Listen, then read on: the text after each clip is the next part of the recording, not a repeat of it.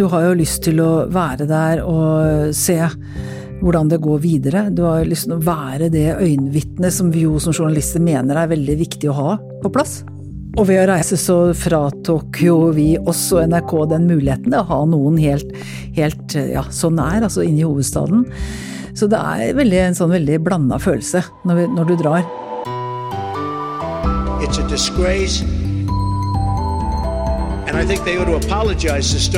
Dominere mediebildet. A failing media. Pile of garbage. False and fake, fake, fake, fake, fake, fake. I Russland så risikerer man nå 15 års fengsel om man formidler det som staten kaller falske nyheter. Det fører til at både NRK, SVT og flere andre store internasjonale mediehus rett og slett har henta hjem sine korrespondenter. Likevel så har NRK tenkt å sende Gro Holm til Moskva i august.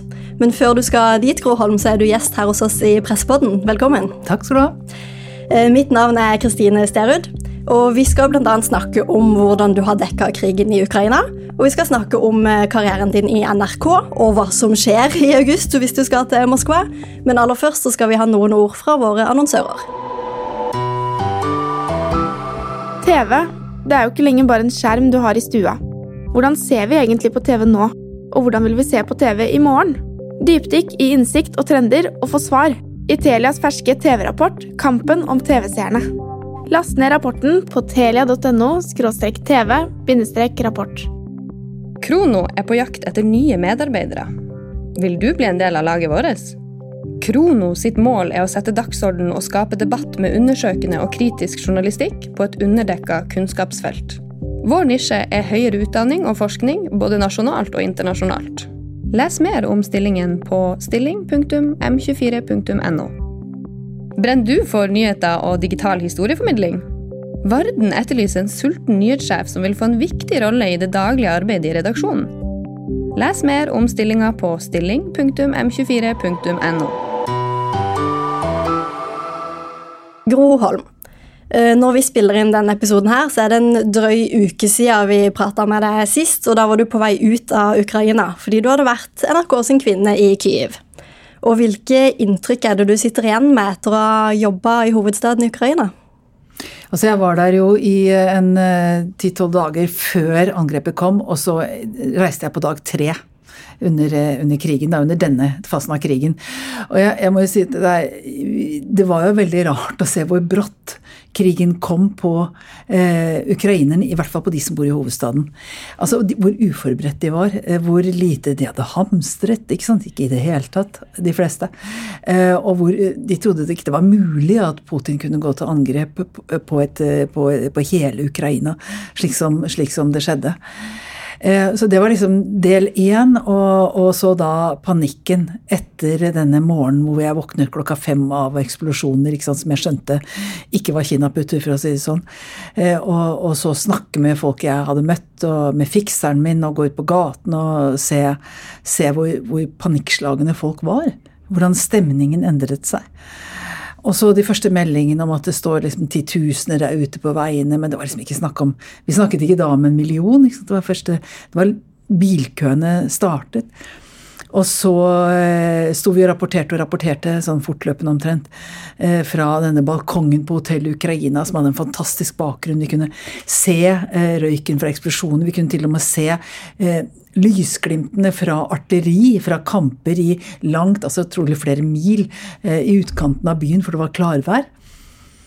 Og så gikk vi ut, for vi ville sjekke hvor bomberommet på hotellet var. Eh, var det virkelig det? Og så møter vi liksom bare folk Hva tenker dere? Altså Alle er på vei ut av hotellet. Det skal jo stenge. Dere må flytte. Dere må komme dere ut. Eh, og hotellet hadde ikke noe eget bomberom. Så det første vi gjorde, var at vi dro til nærmeste metrostasjon for å se om de hadde rigga seg for bomberom. Nei, den metroen var i full drift, og klokka var over tolv. Og eh, angrepene hadde holdt på da siden fem om morgenen. Men når du, eh, nå må jeg bare spørre, når du står midt oppi det, hvordan føltes det? Var du redd? Nei, jeg var ikke veldig redd. For altså, angrepene var jo så langt, ganske langt unna. Eh, og eh, Riktignok gikk flyalarmen, men eh, jeg tenkte vel at akkurat der vi sto, altså på Hotell Ukraina i utkanten av Maidanplassen, at det ville ikke være det første målet. Eh, så, så, jeg var egentlig ikke redd. Og så blir det en veldig sånn operasjonell. En tenker hva gjør jeg nå? Iallfall blir jeg det. Hva, hva, hva, gjør vi nå? Så det første vi gjorde da, måtte, vi måtte finne et nytt sted å bo.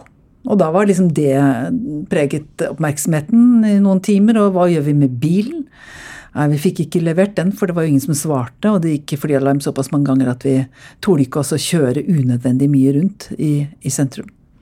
Ja, for Vi som satt eh, her hjemme i Norge, så deg jo på TV med ja, vest hvor det står presse på, en sånn hjelm. Eh, altså, Hvordan var sikkerhetssituasjonen til det og din fotograf når dere var der?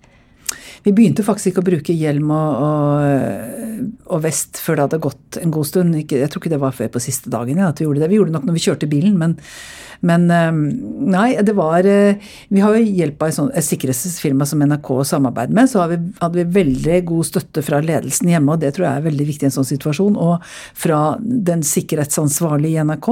Vi har en egen ansvarlig for journalister i krig.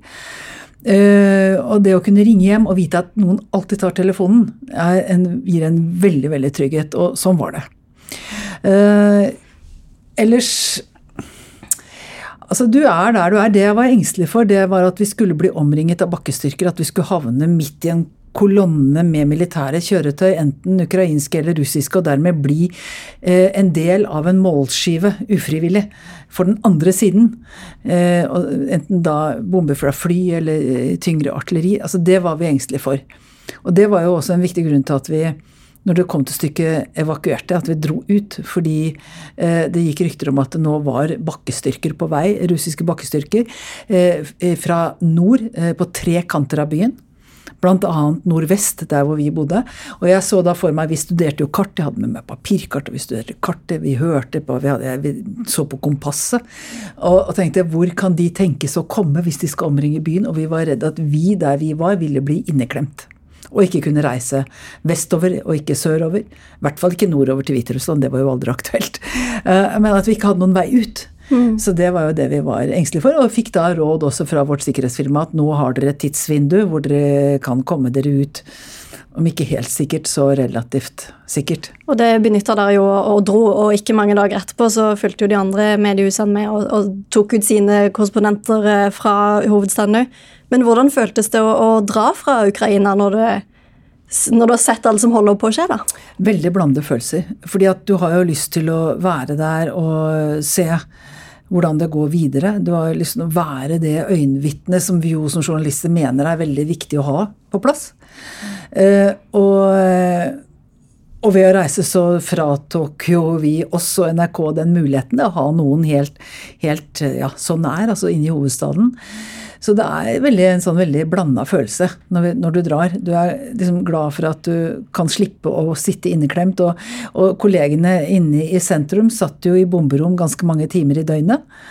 Og for en TV-kanal så er jo ikke det så veldig interessant. Når du først har fortalt om bomberom et par ganger, så, så er ikke det liksom så interessant å fortelle mange, mange ganger. Så ja, jeg var jo så glad for å komme ut, og jeg vet barna mine var veldig glad for at jeg kom meg ut. For at jeg var på vei. Det betyr noe, det også. For da, når du sitter der, så tror jeg som journalist så blir en også bekymret over de andres bekymringer. Og først og fremst da familie og barn. Og når du da kommer hjem, for du har jo rett og slett vært i et krigsområde. Riktignok i starten av krigen, men det er jo fortsatt eh, kriser som skjer eh, rundt den. Hvordan blir du fulgt opp i ettertid da du kom tilbake til Norge? Jeg har snakket med ledere, og jeg har, jeg har et tilbud om uh, psykolog og har opprettet kontakt. Jeg har ikke vært der ennå, men, uh, men, uh, men, jeg har jo snakket med folk på jobben. Og så er det å snakke med venner og familie og, og sånn. Det er også veldig viktig, en sånn type debrifing. Og, altså jeg tror for meg har det vanskeligste vært at jeg ikke klarer å skru av. Jeg ligger, jeg kan våkne, jeg våkner tidlig på morgenen og kan ligge og liksom argumentere mot medieloven, den russiske medie... Jeg kan ligge og argumentere mot Putin. Og for, liksom Helt irrasjonelt, ikke sant? Men du, du, du Fordi jeg er trist og, og, lei meg over det som skjer. Og jeg kan ligge og tenke på de jeg møtte i eh, Ukraina, på fikseren min. Jeg snakker med henne hver dag på telefon. Senest i dag så har jeg drevet, så har hun sendt meg meldinger om at ja, Jeg spurte har flyalarmen gått, og så sendte hun meg klokkeslettene på at flyalarmen gikk liksom 4.24. ikke sant, Helt sånn 5-6. Den siste nå, bare for Like før jeg kom hit, så gikk flyalarmen i Kiev. Så jeg er veldig opptatt av hva som skjer med henne. Mm. Uh, og Åssen går det med henne? Altså, hun, hun, hun er kjempetøff dame. Altså, en ganske ung kvinne på noen og 30 år ikke sant? og frilansjournalist, men nå jobber hun som fikser for ABC News, den amerikanske kanalen.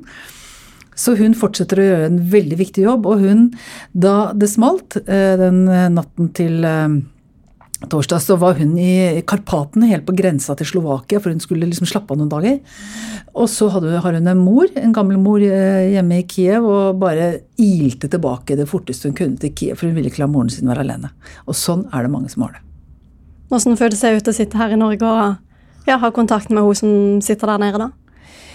Nei, det er jo veldig rart. Altså, jeg, jeg, jeg, tenker jo, skulle jeg reise tilbake, skal jeg liksom reise tilbake så fort jeg kan? Hva, hva har jeg lyst til, egentlig? Hva vil jeg? Det er ikke lett å bestemme seg uh, for, for, det. Jeg har ikke blitt spurt heller, det, men altså det, det, blir jo et spørsmål følger seinere.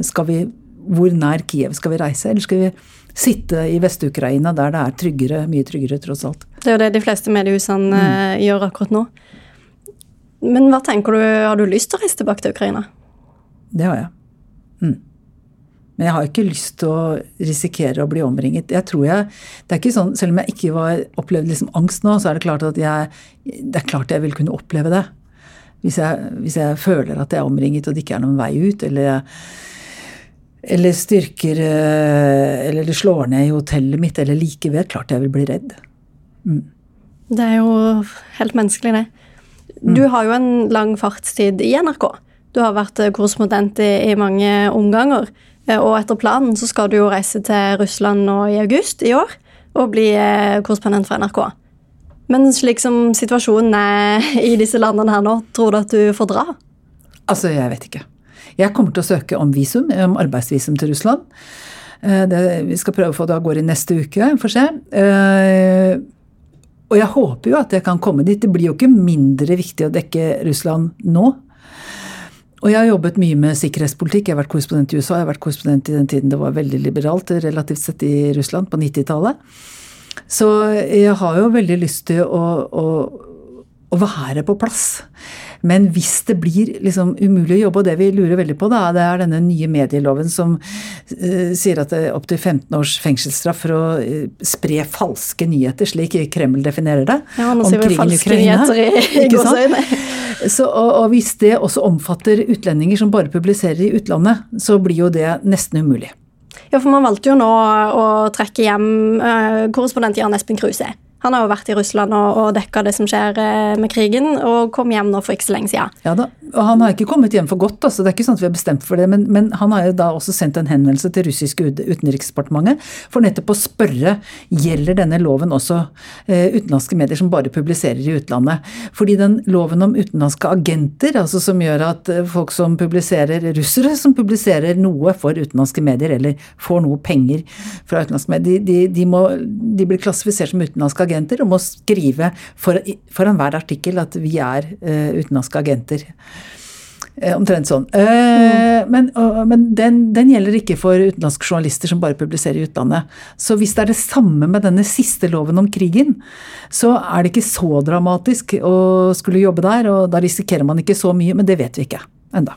Det er det man jobber med, med å finne ut av.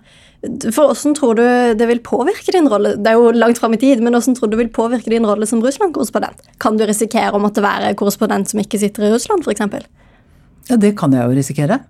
Eh, men det er jo noe som NRK må vurdere. da. Skal vi, skal vi være et annet sted, eller skal vi skal vi være hjemme? Altså det er problemet med å være et annet sted, at hvis du plasserer deg f.eks. i Georgia eller i et eh, Nato-land, eh, i Latvia eller i Polen, eller sånt, så vil jo det bli oppfattet som en litt sånn fort på russisk side en litt fiendtlig handling.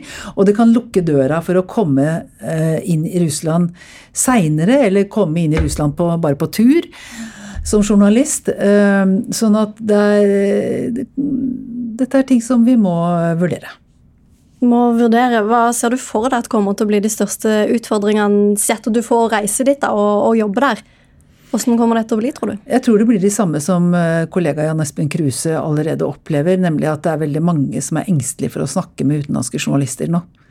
Sånn at det å få primærkilder i tale, enten det er høyt oppe eller De høyt oppe er kanskje litt enklere, eh, men, men så på midlere nivå og også litt vanlige folk og journalister Altså det er mye, blitt veldig mye vanskeligere enn da jeg var der sist på 90-tallet. Jeg kom jo hjem i 1998. Ja, for Det var egentlig mitt neste spørsmål. Du har jo erfaring med, med å være korrespondent der fra før. Hva, hva, er de største forskjellene i Russland i dag kontra da du var der eh, som korrespondent sist? Det er enormt mye forskjell. Altså, det var jo mulig å si og mene omtrent eh, det du ville. Enten du var russisk eller utlending. Altså, jeg dekket jo krigen i Tsjetsjenia, den første krigen fra 1994, og da husker jeg at eh, den offisielle menneskerettighetsombudsmannen i, i, Russland, han satt i kjelleren i presidentpalasset i Tsjetsjenias hovedstad i Grosny og rapporterte kritisk, veldig negativt egentlig, om den krigføringen som russiske styrker drev med på gatene rett utenfor. Og han rapporterte på TV-kanalene, og ikke bare på én, men på flere av TV-kanalene. Han talte president Jeltsin midt imot. Og det gjorde han i dagevis. Og det var liksom det var mulig å si hva som helst av kritiske ting på TV-kanaler. Det var masse kritisk journalistikk. Det var liksom ikke noe, lå ikke noe tilbake for det vi driver med her hjemme. Så det er klart at situasjonen er nå en helt annen. Og det var på mange måter ek ekstremt liberalt. Eh, både i forhold til hva det var i, i sovjettida og hva det er blitt siden. Og det var jo, det strammet seg jo gradvis til, da. Eh, Putin var jo først eh, sjef for KGBs arvtaker FSB før han ble statsminister og startet den andre Tsjetsjenia-krigen i 1999. Og så har det bare egentlig blitt strammere og strammere, mer og mindre, mindre og mindre fritt. Så det har gått fra at man eh, kan være kritisk på direktesendt TV, til at man helst ikke vil stille opp i Fem på gata med fremmede nesten journalister? Sånn, nesten sånn. Mm. Og Du sa jo kanskje det nesten er lettere å, treffe og prate med de som faktisk er litt oppe i systemene. Og Apropos det, så har jo du truffet Putin en gang, nemlig i 1999. Men det var i Norge da han var statsminister i Russland, men han var på besøk i Norge. Mm. Jeg husker jeg intervjuet ham på Grang. Eh, det var ikke noe sånn fryktelig langt sittende intervju, men det var også Og, jeg tenkte at eh, er, dette er en mann med et ekstremt kontrollbehov. Og jeg husker jeg sto også, Vi fikk være med da russisk presse skulle intervjue han på rådhuset, og der sto jeg liksom veldig nær han i 40-45 minutter og prøvde å stirre han i senk og tenke klarer han å la være å liksom se på meg, og det klarte han. Men han hadde det var liksom knyttede hender og veldig kontrollert. Han har jo blitt leder etter hvert, han har jo blitt mye tryggere i rollen. Eh, mye mer selvsikker enn han var den gangen. Så han var nesten litt nervøs? Ja, han var i hvert fall veldig opptatt av selvkontroll. Eh, det er vanskelig å se inn i folks hode hvor nervøse de er, men han så litt, ja, han var veldig opptatt av kontroll. Hvis du skulle gjort et nytt intervju med han i dag, hva ville du spurt om det? Det tror jeg er vanskelig. Jeg tror jeg, jeg ville spurt noe om hvorfor um, Hvorfor ukrainske borgere ikke har uh, mulighet til å, eller rett til å ha de samme drømmene om sin egen nasjon som russiske borgere har i Russland. Vi her i Norge liker jo å tro at vi er litt spesielle. Og når det kommer til TV-vanene våre, er vi faktisk det. Bare se selv i Telias ferske TV-rapport 'Kampen om TV-seerne'. For mens de på andre siden av Atlanteren nesten bare strømmer, vil vi her hjemme helst ha i pose og sekk. Finn ut mer, last ned rapporten på telia.no tv rapport. Krono er på jakt etter nye medarbeidere. Vil du bli en del av laget vårt? Krono sitt mål er å sette dagsorden og skape debatt med undersøkende og kritisk journalistikk på et underdekka kunnskapsfelt. Vår nisje er høyere utdanning og forskning, både nasjonalt og internasjonalt. Les mer om stillingen på stilling.m24.no. Brenner du for nyheter og digital historieformidling?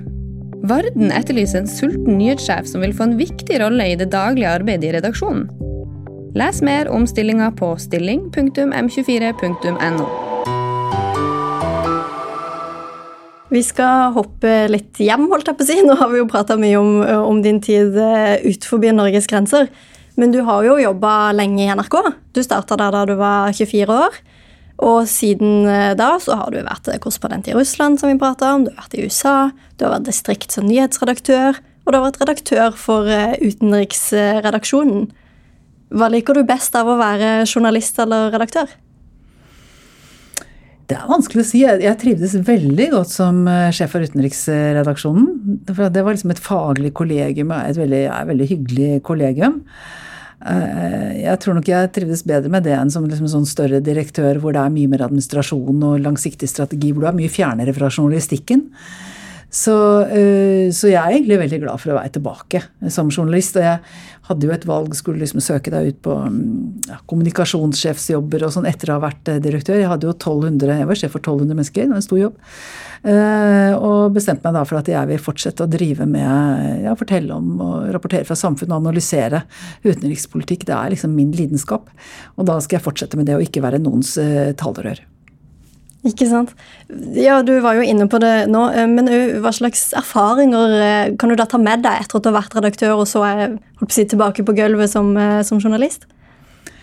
Ja, det er jo på, liksom på betydningen av samarbeid, og, og jeg er jo da flermediell. Altså, jeg har vært en i hvert fall, Jeg har vel godt ment litt forskjellige ting om det, men, men jeg har jo i praksis vært flermediell. altså Både jobbet på radio og TV i veldig mange år, og så etter hvert også nett. Så, så, det er viktig. Og mm, så har jeg veldig sans for fagforeninger. Det har jeg både fordi jeg har vært fagforeningsaktiv og jeg har vært som leder, så ser jeg hvor utrolig viktig de er. Å ha et godt forhold til fagforeningene, ha ryddige forhold. Eh, og det syns jeg fortsatt. Du sa nettopp at du har, litt sånn, jeg har hatt litt Ikke ambivalent, var ikke det ordet du brukte, men at du hadde dine meninger om det å være flermedial. Hva mener du da? Nei, altså det var, jeg, jeg, det var jo en periode hvor det var mye skepsis til det at særlig fjernsynsfolk skulle jobbe med radio. Eh, men jeg, det, det, var en liten periode hvor jeg var med i dette er mange år siden, altså, i klubben i Dagsrevyen, hvor jeg også var, delte den skepsisen. Men jeg, jeg hadde jo da selv erfaring for å være flermediell. Og, og, jeg endte jo fort opp igjen på at det er det riktige. At, vi, at, det er historien vi forteller som er det viktige, og så kan vi fortelle det på ulike medier. Og gjerne samme journalisten fortelle samme historien på flere plattformer hvis det er tid til det. At det er, eh, ikke minst for, også for små medieorganisasjoner, som vi tross alt er da i verdenssammenheng, som har voldsomt store ambisjoner, så er det viktig for å kunne dekke eh, bredere felt at eh, en journalist er teknisk sett i stand til å fortelle på flere plattformer. Jeg syns det bare er en fordel, altså. Det er bare en fordel. Når vi spiller inn denne episoden her, så kommer du jo rett fra morgenvakt på NRK. Så du skal slippe å si, å si, hva som en vanlig dag er, for det antar jeg er litt forskjellig. Men hvis du kan gå gjennom åssen var arbeidsdagen din eh, på NRK i morges? Ja, da kom jeg halv seks. Og så er det jo da å oppdatere seg Jeg tok da Nesoddbåten inn, så du begynner på jobb egentlig før det. Når du sitter med en gang du setter deg på båten, og i drosjen og sånn. Opp eh, fra Aker Brygge. Og, og, så er det å oppdatere seg på byråene, se hva de skriver. Eh, jeg var kanskje så vidt innom NTB, det husker jeg ikke helt i dag. Men også har jeg en del sånne andre nettsteder som å, å F.eks. jeg følger med på det ukrainske forsvars på felleskommandoen, hva de skriver. Så det er en del ukrainske sider jeg følger med på. Og så er jeg da innom TASS, det offisielle russiske eh, nyhetsbyrå, og Interfax. Interfax i Russland er noe helt annet enn Interfax i Ukraina. De står liksom på hver sin side i konflikten, men begge de to er interessante å ha med i nyheter. Og så er jeg inne i studio hvert kvarter. Fra halv sju og i flere timer framover så er jeg en gang i kvarteret inne i studio og fortalte. Da er det ikke så mye tid på å oppdatere seg, så skal du gjerne stille, skrive inn dine egne opplegg, altså spørsmål også til programlederen. Så det er jo veldig liten tid. Egentlig. Ja, Åssen jobber du når det, når det er så, så liten tid? Altså, hvilke, nå var du litt inne på hvilke kilder du leser da på, på, på, forhånd. da. Men si at det er to minutter til du skal inn i studio, og så får du beskjed at nå har det skjedd et eller annet i Ukraina. Hvordan går du eh, fram da? Ja, Da vil jeg nok gå på byråene. Hvis det er liksom så kort tid, så vil jeg se om noen av byråene har skrevet om det. Men veldig ofte så er de seint ute. Så, vel, så jeg, hvis det er så kort tid, så går jeg ofte på Twitter. Og da er det jo utrolig viktig altså, å gå på noen som du stoler på, da, som du vet at, er, eh, at du kan stole på. Så jeg har noen få på Twitter som jeg føler at jeg kan stole på. Men de, de baserer seg ofte også på annenhåndskilder. Altså, de, de er jo nesten aldri primærkilder. Så man må jo ta med en klype salt og ta alle mulige forbehold. Det er det, det er det, du gjør i praksis. Man sier at dette har vi ikke bekreftet. Mm. Ja, for det er jo det med å formidle når man har annenhåndsinfo. Jeg klarer ikke å si ordet engang. Men hvilke, altså, hvilke utfordringer er det som oppstår når man har så dårlig tid og skal inn i studio om et kvarter? Det er, jo, det er jo dels at man overhodet ikke F.eks. spørsmålet overholdes den våpenhvilen som de var enige om å inngå i dag, skulle vare fra 9 til eh, 21, lokaltid fra 8 til 20 norsk tid. Overholdes den? Tja. Og hører du da, liksom leser du at jo, her har det vært, her har det vært um, noe skyting eller artilleri ett sted. Kan du da si at er våpenhvilen brutt? Skal du liksom bruke det som bevis på at volden Tror du at det skjer andre steder også på samme måte? Vi vet jo ikke.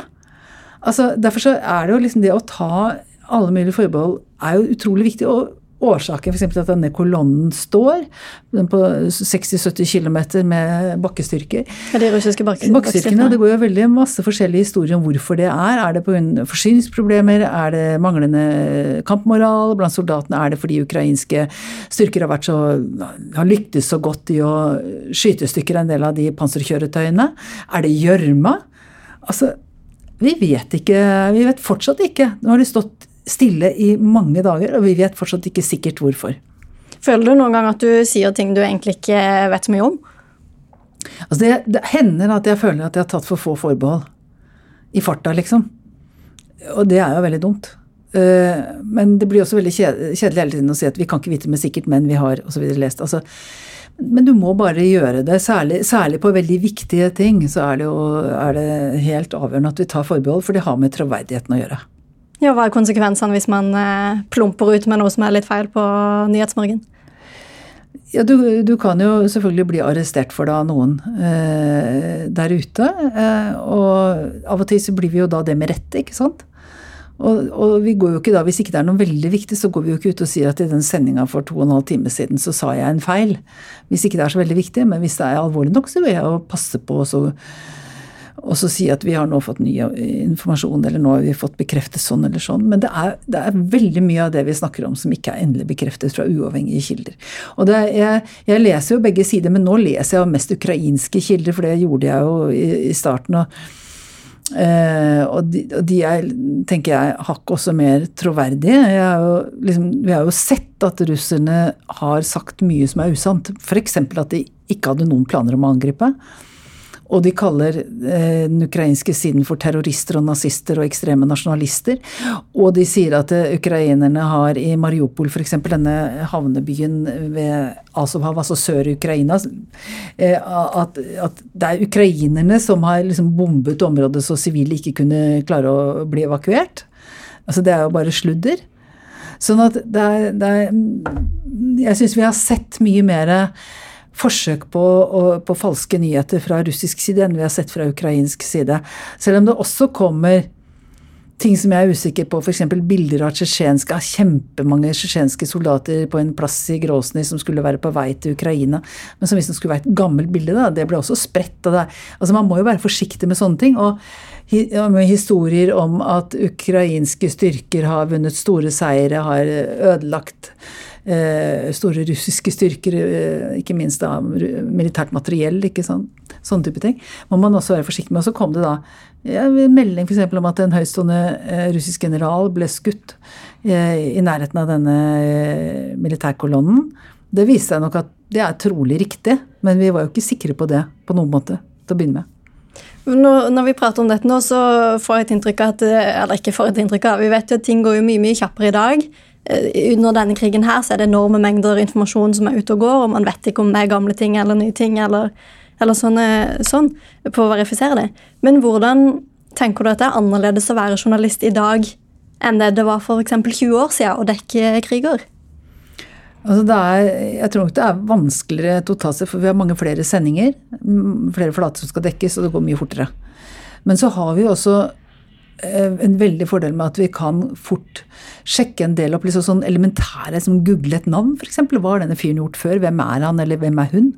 Eh, hva er en Grad-rakett eller en buk? Eh, altså Vi kan sjekke hvilke våpen som er i bruk veldig mye fortere ved å google. Så det har gjort det mye enklere. Men, men, men, det med å uh, falske nyheter og all spinnet, all trollingen som skjer, det jo, har jo gjort det veldig lett å trå feil. Og, og, og hurtigheten, selvfølgelig. Mm. Det går fortere enn før. Mm. Jeg har jo lyst til å spørre deg litt, eh, for nå har du jo vært i Ukraina, og nå er du hjemme og jobber eh, rett og slett dekker krig fra desk, hvis man kan si det så simpelt. Hva er dine beste tips til andre kollegaer og kanskje journalister som dekker sin første krig? Altså, det er utrolig viktig å samarbeide godt med desken hjemme. Det har jo vi også gjort. Og de driver en vesentlig del av faktasjekkingen når du er ute i krigen. La, la desken hjemme, som sitter trygt og har bedre tid, stort sett, eh, ta seg av mye av faktasjekkingen. Og meld inn ting du gjerne vil ha hjelp til. Det er veldig viktig. Og så, så er det, viktig å ha gode kommunikasjonslinjer hjemover når du reiser ut. Det er viktig å planlegge veldig godt. Det er viktig å hamstre mat og vann. Tenke hvordan skal du komme deg ut hvis det haster. Ehm, jeg syns kart og kompass er veldig nyttig å ha med. Og du må huske på når du drar ut at telefonen kan gå ned, nettet kan gå ned. Da står du der aleine. Hva gjør du da? Da må du vite, da må du tenke hva du gjør. Neste skritt. Så ligge foran er veldig viktig. Det er veldig viktig å ta de pausene innimellom. Både at du hviler hodet litt, grann, og eh, tar deg tid til å tenke gjennom hva gjør jeg hvis det verste skjer rundt meg. Og de som sitter hjemme på desk og prosesserer eh, alle infoene som kanskje er sommervikarer til sommeren, f.eks. Hva er dine beste tips til de, hvordan de skal håndtere og jobbe med dette? Ja, det, Du må i hvert fall ikke være redd for å stille dumme spørsmål til folk som kan mer på en eller annen måte. Og samarbeid, samarbeid, samarbeid, vil jeg si.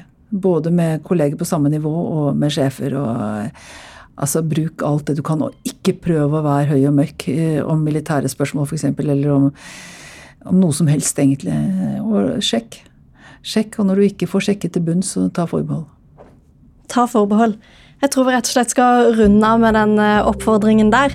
Tusen takk, Gro Holm, for at du kom i Pressepodden. Så får vi se i august om du er i Moskva, eller om du er litt utenfor Russland og rapporterer.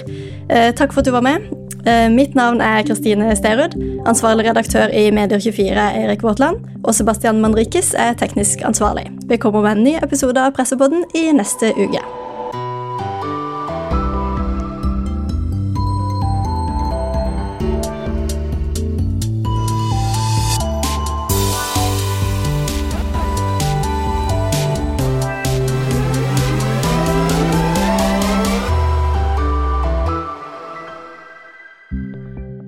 Er jo ganske kult når vi alle ser noe helt samtidig. Som når gullmedaljen sikres, eller vi sitter klistret for siste episode. Men når vil vi se live, og når vil vi selv trykke play? I Telia har vi sett på TV-vannet til rundt 500 000 TV-kunder, og vi har funnet svar. Finn ut mer du også ved å laste ned den ferske TV-rapporten på telia.no tv-rapport. Krono er på jakt etter nye medarbeidere. Vil du bli en del av laget vårt? Krono sitt mål er å sette dagsorden og skape debatt med undersøkende og kritisk journalistikk på et underdekka kunnskapsfelt. Vår nisje er høyere utdanning og forskning, både nasjonalt og internasjonalt. Les mer om stillingen på stilling.m24.no. Brenner du for nyheter og digital historieformidling? Varden etterlyser en sulten nyhetssjef som vil få en viktig rolle i det daglige arbeidet i redaksjonen. Les mer om stillinga på stilling.m24.no.